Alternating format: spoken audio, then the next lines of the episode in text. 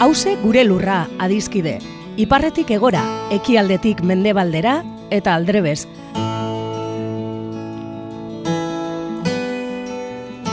Lurra bakarra dugu edo gaituen lur bakarra da hause. Eta zaintzat dan hori dagokigunez, hemen horretaz egingo dugu berba. Lurraren zaintza kontu ekonomiko, ekologiko eta politikoa da, baita kulturala, kolektiboa eta publikoa.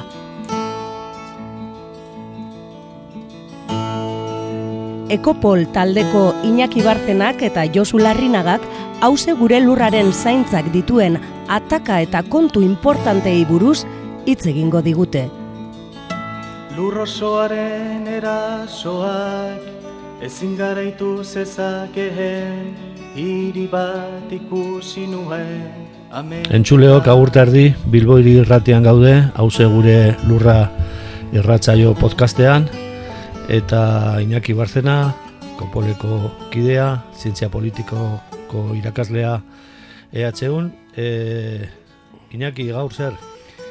Bueno, ba, aurreko baten e, hasi ginen bizitza zaintzen ikasterekin, eta gaur jarraituko du hori bizitza zaintzen e, ikasketa horretan, Bigarrengo pauso bat, urraz bat egingo dugu, aurrekoa izan zen onjoen inguruan, orain zuaitz eta landaren ahasmena. Badirudi e, mundu hontan e, inteligentzia dugun bakarrak e, hankabikoa garela, ez? Eta bizitzaren e, ezaintzarako agian izaki biziduren gandik asko ikas des, e, dezakegu, eta, bueno, onjoetatik eta landara eta zuaizetatik ere bai, ez? Nolabait kapitalismoak erakutsi digu sustenga ezina dala, eta sustengarritasun nesaren antidoto edo ikasbide moduan, ba, gaur landarei, e, batez ere, zuaitzei dedikatuko diogu irratzaioa. Eta ekarri dut, e, bueno, Frantziako botaniko baten esperientzia, ez? Francis Ale, e, bueno, laro eta lagurteko zintzilari honek e, Montpelierreko Unibertsitateko irakaslea emeritua da, eta duela ja, bueno, ba, berrogei bat urte, ba, hasi zan e, baso tropikaletan, e, zuaitzen arkitektura ikasten, egin zuen e, olako espedizio bat, rato dezin, e, hori, e, gailurrak nabigatzen e, espedizio bat, eta asmatu zuen, ba, ba, Amazonian, han Frantziako Guaianan, ba, zuaitzen e, e, zea, e, gainetik ibilteko, kanopiatik ibilteko, ba, bueno, ba, aerostato bat, e, golako, ba, globo moduko bat e, asmatu zuten, eta gero pelikula bat egin zuten 2008an Luke Jacketekin, e, Wild Touch proiektu horretan, e,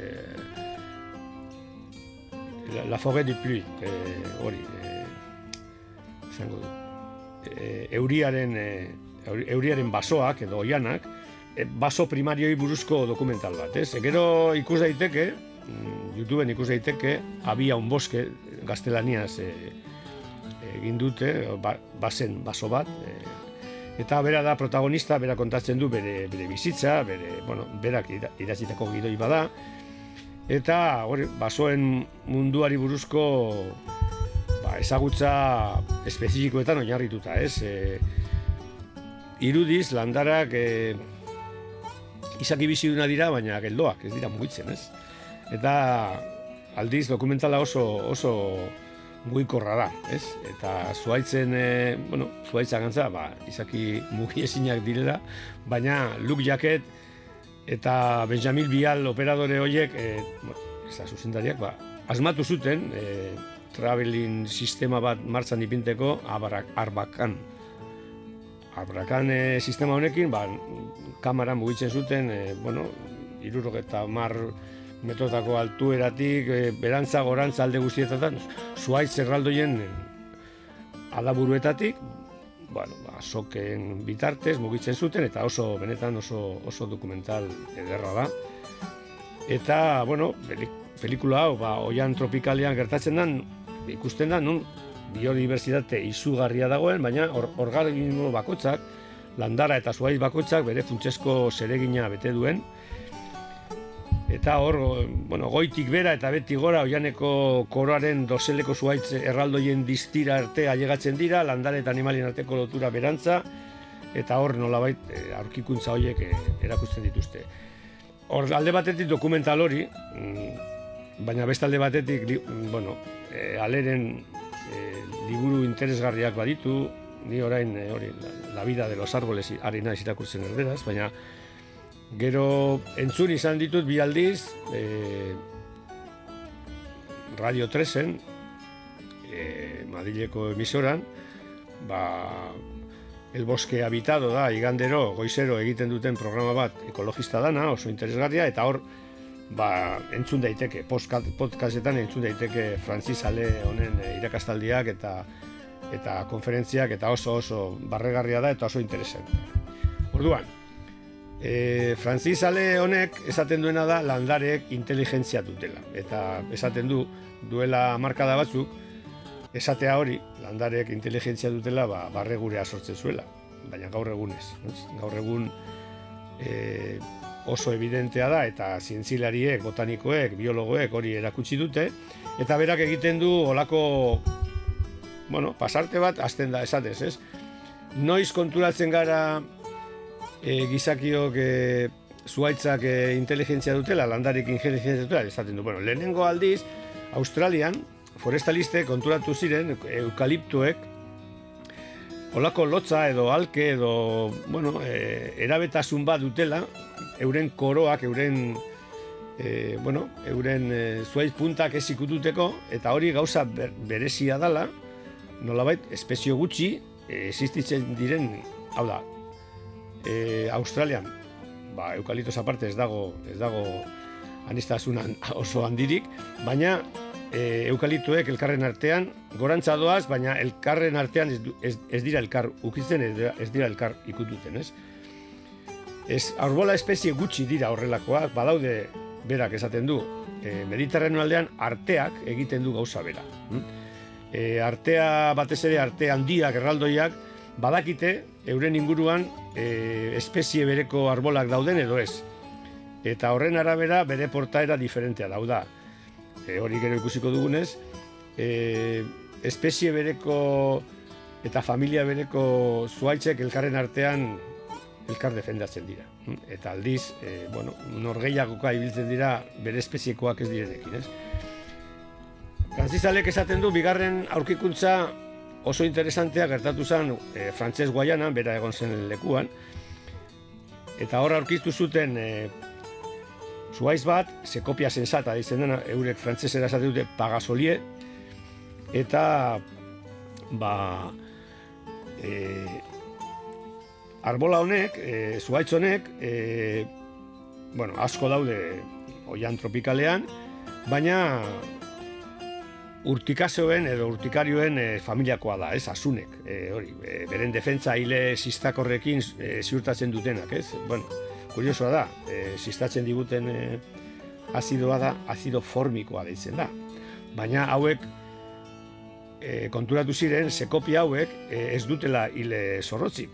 Eta nola defenditzen dute euren izaera, euren ostoak, ba nola bait, e, animali hori, e, herbiboroen kontra, ba inaurriekin. Inaurriekin defenditzen dute, hau da, simbiosi kasu apart bat, baina e, onartzen dute e, inaurriak bere, bere gorputxan, bere barnean, bere zuloetan, eta inaurriek egiten dute defentza hori, hau da, belar jaleak kanpora eta gizakiak baita ere kanpora. Hirugarrengo adibide bat, topatzen dugu, edo bera komentatzen du, mila dira ziren dela rogeta maikan, Ego Afrikan.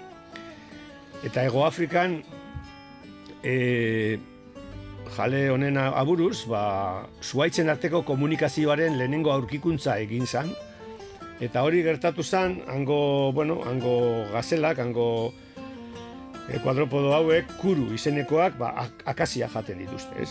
Akaziak, bueno, sabanan asko daude, ba, bos metro inguruko altuera dutenak, akazia kafra da, gehien e, ikusten dana, eta akazia kafra honek, claro, sufritzen du e, gazela hauen e, e, aginkadak, ez? E, nola baite, bueno, jatera doaz, eta, bueno, e, kuru hauek, gazel hauek, ba, akasia jate dituzte.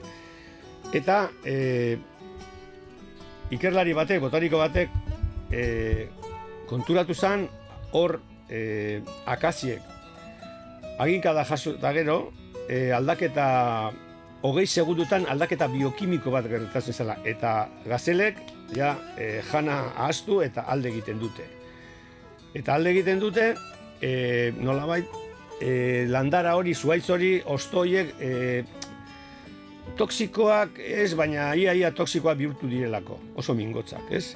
Eta hori zergatik, orduan, zer egin zuten, e, probatu zuten landare, osea, ostoen formakuntza kimikoa e, jan baino lehen, eta, eta, eta gazele janda gero, eta konturatu ziren hor, aldaketa biokimiko bat, hau da, e, akazia jandak, bueno, agingatutako akazia horrek botatzen zuela taninoak izutzen zituztela, baina ez hori bakarrik. Hori ez da importantea. Importantea da nola erasoa edo, edo, edo gazela hori jatera joan den zuaitz horrek emititzen duela emisio gaseoso batzuk, beste zuaitzetara abisoa edo harra ematen dietena. Aizearen bitartez, e, etileno botatzen dute, eta e, inguruko zuaitzek edo bazutan distantzia handian dauden horiek konturatzen dira eurek ere bai taninoak bota behar dituztela gazelek ez jateko, ez? Hori gauza erreza da, baina, bueno, mesu zabal bat egiten dute, eh, gazelen agina probatu duen eh, akazia horrek egiten du efektu hori, eta efektu hori, eh, bueno, eh, mesu bat zabaltzen da inguruko basora eta akazia guztiek egite dute hogeta la urduz. Hogeta la urduz, esan nahi du, bueno, handik eh, urrengo egunera eh, gazelek aldutela berriz, hasi, mm, baina aizearen mugimenduarekin kontu zibili behar dira e, ba, akasiek besteak ez, ez hartzeko edo ez abizatzeko. Gero azaltzen du beste esperimentu interesante bat, Suizan mila bedazien da logeta mazotxean kertatutakoa, Bueno, beti jakin dugu, ez? E, mareek eta, eta, eta ilgorak eta hilberak hilariaren eragina landaretan, ez? Baina hor probatu zen abetoak, abetoak e, bere zabalera handitu edo gutxitu egite zutela mareen arabera.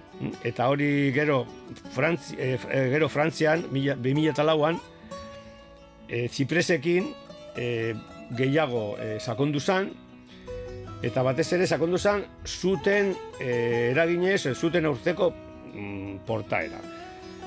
Deno dakigu, gure era, arotzak, beti jakin izan du e, egurra moztu behar dala ilgora edo batez ere, oza, ilgora denean, gero e, le, enbor ziku hoiek hobeto aguantatzeko adibidez e, zuaren eragina. Berak esaten du izan tximinia batzuk e, enborrekin egiten direla. Ba, enborroiek ez dute, ez dute zu hartze zergaitik. Ba, zuaitzoiek bota dituztelako mm, sustantzia erregaiak, alkola, hidrokarburoak, olioak, tolueno, aizearekin batera, zua barruntatzen dutenean, euren barneko temperatura igotzen dute eta botatzen dute e, airera. Eta gainera, horiek ditzen dira komposatu organiko volatilak, ez? Hoiek zabaltzen dira, hoiek aizeak mugitzen ditu, hoiek ohartzen dute beste zipresak, distantzia handietara bebai, eta no, egiten dute aldaketa hori. Hori da, zuaitzen arteko komunikazio handia, hm? eta e, bueno, ba, hor ikusten dugu e, nola arrisku baten aurrean e, arbola batek bere defentzak e, egiten ditu, baina gainera besteei komunikatzen die eta besteak ohartuta daude eta prestatuta daude defentzarako, zuaren kontrako defentzarako. E, erreko dira, erreko dira, bueno, kanpotik piti bat, baina barrutik mantentzen dira eta bizirik jarraitzen dute. Eta bukatzeko azkenengo bi adibideak, 2008an Txilen, o dileana oso famatu bat, bokila trifoliolata, euskaraz lardizabala trifoliolata deitzen dana, horiek igotzen dute arbolaren eh, enborretik, baina arbolaren ostoak imitatzen dituzte. Hori da bere berezitasuna, ez? Eta Txilen botaniko hauek esperimentu bat egin zuten, eta arbola bat ipini beharrean liana hori, e, bokila trifoliolata hori, jarri zuten bost zuaitz diferentekin. Eta bost zuaitz diferentekin ikusi izan ostoak desberdin hoiek imitatzen zituztela. Hau da, ez dute imitatzen beti arbola berdina, baizik eta arbola desberdinekin, zuaiz desberdinekin, osto desberdinak egiten dituztela. Eta horrek esan nahi du, arbola eta lianaren arteko komunikazioa, elkar komunikazioa guztiz funtseskoa dela, ez? Orduan, mimetismo perfektu hori lortzeko, zuaitzak lianari, e, bueno, bere informazioa, bere e, komunikazioa permititu egiten dio. Eta bukatzeko adibidekin, 2008an Alemanian, badago beste idazle interesgarri bat, liburu oso famatu egin zuena, Peter Boleben, La vida secreta de los árboles, e, erderaz idatzitakoa da, e, zuaitzen bizitza sekretua edo iskutua, eta honek, e, bueno, gure inguruan Euskal Herrian, ba, oso normala den zuaiz bat, pagoa, pagoaren e, e, azterketa bat egin zuen, eta konturatu zen, pagoa nagusiak eta gazten artekoz e, komunikazioa sortzen dela sustaietatik. Eta pago nagusi batek bere seme alabak topatzen dituenean laguntzen ditu, elikatzen ditu, babesten ditu, eta aldiz, urre eta milerarekin, eta aldiz, bere ustakoak ez direnak, bere lagunak, bere familiakoak ez direnak, e, ez ditu babesten, eta norgeiagoka aritzen da eurekin. Oie dira, adibide ederrak ikusteko, ba, e, landarek eta eta eta zuaitzek inteligentzia badutela munduan nolabait bizitzaren bizitzaren ustakit aleginetan horrela jateko. Eta bukatzeko komentatu nahi dut gauza bat e, bueno, pit, e, zea, Francis Jale honen e, e, obra oso, oso nabaria dana eta da gora eta bera. E, berak astertu du e, arbolen e, arkitektura eta berak e, bueno, e, pelikulan ikusten den bezala beti biltzen da ba, oianeko doselean, goiko partean, goiko parte hortan eta beko partean bizitza oso diferentea da. Animaliak, e, biodiversitatea oso diferentea da. E, beko baldintzak, e, bueno, behar dute e, bueno, izaki bizidun batzuk eta goiko baldintzak oso diferenteak dira. Ez? Berak esaten du, e, gu gizakiok non digatoz, eta esaten du, badago, zientzilen artean e, diferentzi bat, batzuk esatu dute Darbinek esaten zuen bezala, ba, tximinotik gatozela da, zuaitxetatik gatozela, beste batzuk esaten dute ez ez.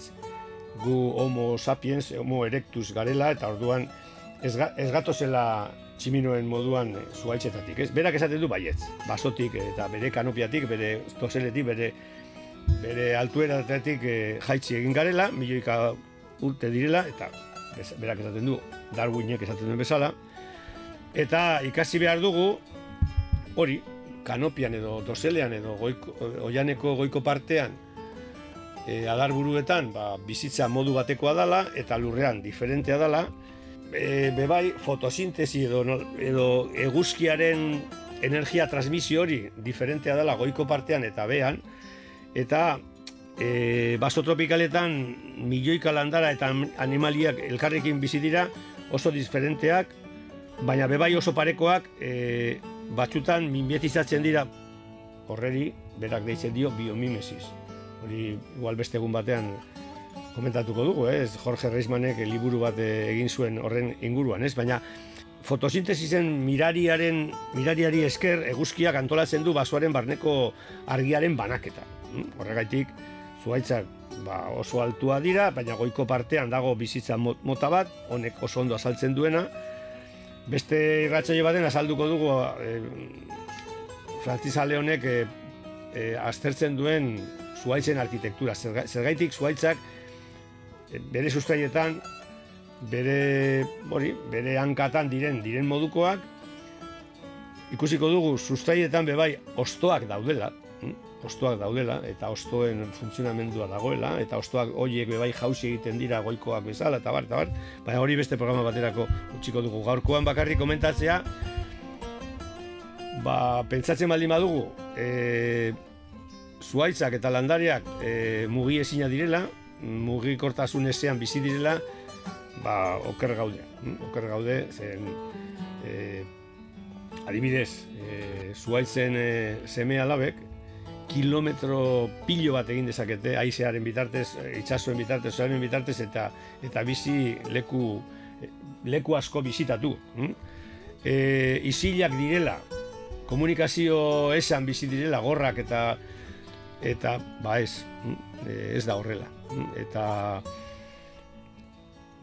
esango nuke e, zuaitzek eta landarek e, usain eta kolore ikusgarriekin gauza asko transmititzen dute. Hori hori galdetu behar diogu Nelson Mandelari, Nelson Mandela bere han, e, Ego Afrikako lurmuturreko izaroan egon zan hogeta zazpi urte preso eta badakizue berak, e, bueno, ba, landareak, e, bueno, hasieran bere, bere gelan, gero espetxean eta gero irla osorako ba, landareak e, kultibatzen zituen, ba, ba, elikagaiak egiteko, batez ere, baina loreak bebai, eta bere esaldi famatua zen ni preso naukate, baina nire landareak libreak dira. Horreri esker, ba, Mandelak ba, aguantatu zuen, aguantu, aguantatu zen bezala. Orduan, loren formak eta kolore distiratu horiek e, alek esaten du e, iragarki publizitario badirela. Insektu polinizatzaileak erakartzeko, e, elikagaiak lotzeko kartel argitxu badira. Hauek, e, nek, nektar e, jasotzen dute modu inkosientean, baina hori da euren saria. Eta ikusi behar duguna da, lorek eta landarek e, ikusmenak, usainak eta elektrizitatearen bitartez e, komunikazioa eragite dutela. Ez? Aldiz, gure laborantza landare komunikazeko gaitasuna galdu omen dute. Hm? Lur gainetik eta azpitik. Hau da, mutuak edo gorra bezalakoa dira, gure hartoa, tomatea, piperrak eta olakoak. Zergaitik, ba, bueno, ba, hori domestikatuak izan direlako. Horregaitik nekazariek e, beste insestizida behar ditu, ba, insektoen edo plagen e, inbazioa geldi arazteko. Izaera basatia desberdina da, horregatik interesgarria izateke laboretan espezie basatiak ere bai sartzea e, eurek badakite nola defenditu bere burua e, plaga eta insektuen kontra. Eta horrekin batera, hori berritzuak eta berbaldi handiagoak ikusiko genituzke gure landare eta elikagaien ustetan.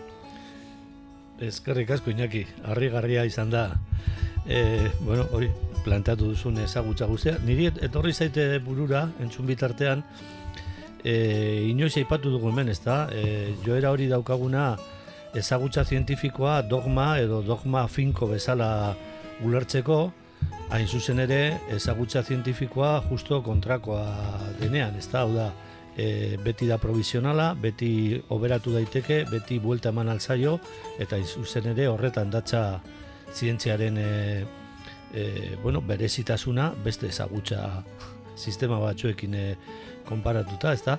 Eta, ba, bueno, hori, e, egonaz pensatzen, orain dela ere gutxi mm, bueno, gomendatu nuen hemen liburu bat e, Batiz Morizot e, filosofo frantziarra e, otxoak eta behatzen ibili dena eta ba, zoologoekin eta eta berak ere kontatzen du bere liburuan ba, zelan orain e, definizio altuko kamerekin ikusi dute ba, otxoak ibiltzen direla batxutan e, artaldean, ardien artean e, agresiboak izan gabe eta ardiak ere mugitzen direla eremu horretan e, inolako bildurri gabe, ezta? Hori gure otxo eta ardien inguruko dogma guztiek nolai kolokan e, jartzen, jartzen ditu horrek, ezta? Eta bueno, hori azkenean e, e, beti gehiago ezagutu nahi gurari hori, e, nolabait espiritu zientifikoa edo, edo zientziaren e, zera, muina dena, e, horrek behartzen gaitu ere gure dogmak eta gure zeak e, kolokan jartzen eta bueno, hori hori izan da gaurko irratsaioa be bai, beintzat niretzat. Bai, bueno, eh, lehen esan dudan bezala, ba, zientzilari antropologo, biologo eta ez dakit, desberdinek, teoria desberdinetan oinarritzen dira, eta adibidez, ba, Darbinek eta eta Francis Jalde botanikonek esaten baldin badute, ba, zuaiz e, adarburuetatik gatozela, beste batzuk esate dute zet, bueno, hor dago eztabaida, baina eztabaida bera ez interesantea da, eta batzue eta, eta besteon argudioak, ez? Eta ez fedea, eta ez e, no, e, no, e, kontrasterik gabeko ba, gu bihurtu gaituz bihurtu gara edo bihurtu gaituzte e, zinez dunak, hau da, e, telebistak esaten duen hori, edo Wikipediak esaten duen hori, egiazkoa da. Bueno, egiazkoa da, batzutan, beste batzutan ez, ez. Eta, bai, ba, mundu naturaletik, e, bai otzoen gandik, eta bai hartzen gandik, eta bai landar, eta asko dugu ikasteko. Asko dugu ikasteko, bizitza nahi baldin badugu planeta honetan mantendu. Eta bizitzaren gakoak, batzutan e, ez ditugu ikusten. Batzutan zientzilariek laguntzen digute, e, bueno, e, hori e, aurkitzeko eta hori babesteko, nik esango nuke, beste zientzilariek eta beste teknologoek bizitzaren kontako erasoak antolatzen dituzte, ere bai. Eta ez dago e, norabide bakarreko mogimendu zientifiko bat.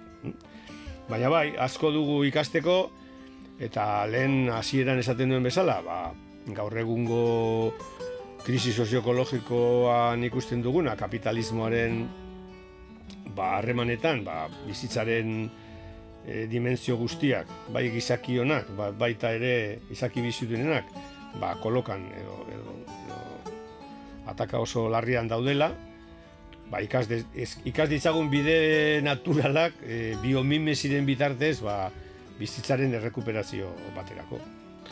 Iñaki, eta beste hausnarketa bat etorri zaidan horrela da, bueno, e, basuen e, gaiurretan edo dozel horretan dagoen e, e, bizitza diferente horri buruzko zea, ez da, e, justo pasan egunean irakurri nuen e, ekologista aldizkarian, bueno, horre, e, bueno, hori, gaiuroiek eta hor dagoen bizimodua ezagutzeko, adibidez hemen Euskal Herrian badaude enpresak e, alako zera soken bidez eta pasabiden bidez an, e, nola baiteko alako jarduera ludikoak antolatzen dituztenak, ezta? Baina badaude ere beste leku batzuetan e, e, zera e, zuaitzetako gaiurretara igotzen diren ekologistak e, basoak e, defendatzeko eta horre hori ekologista aldizkariaren azken zenbakian kontatzen da nola Alemanian egon dira urteetan e, bat, etxolak eta e, egiten e, baso baten e, hori,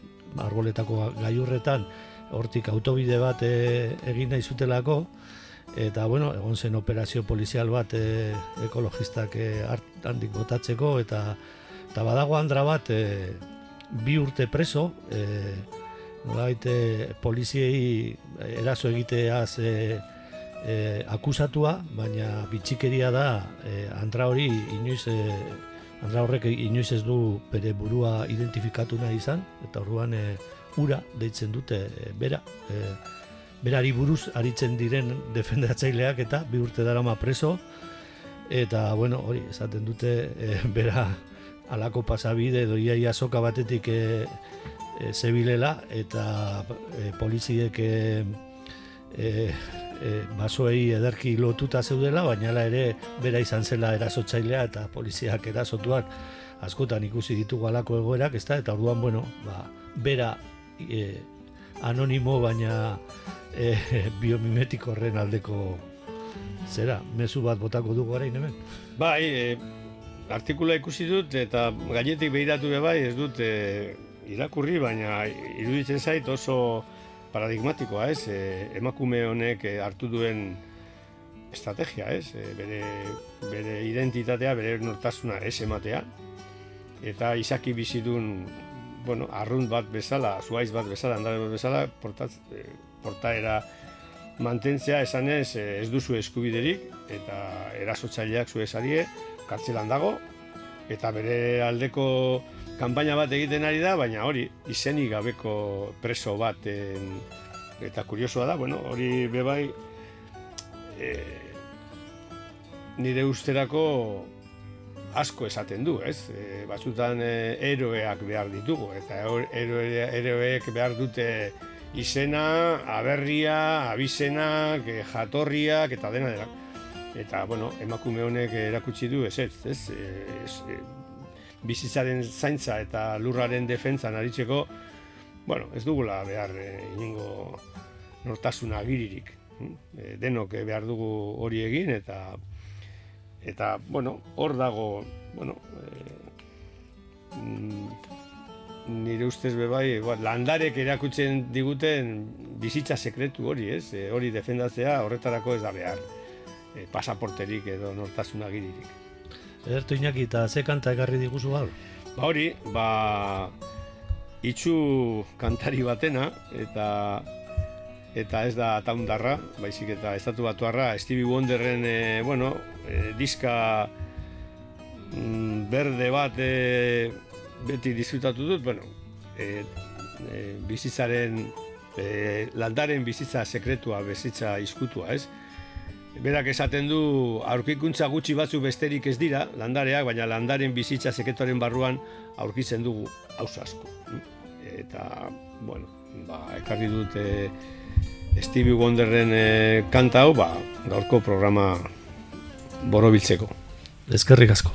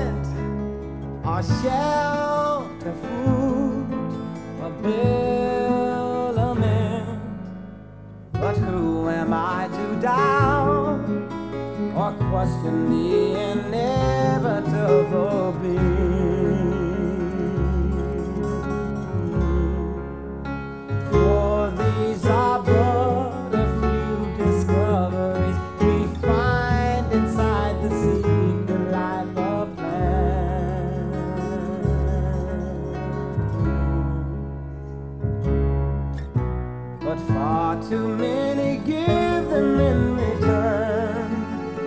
A storm comes round a burn as if they're nothing. But if you ask yourself, where would you be? Without them, you will find.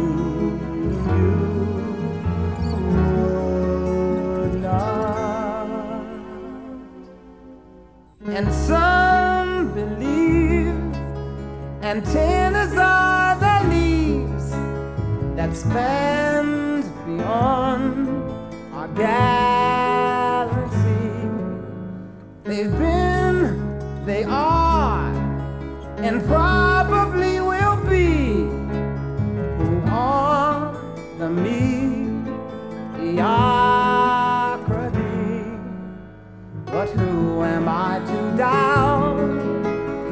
lost in the inevitable.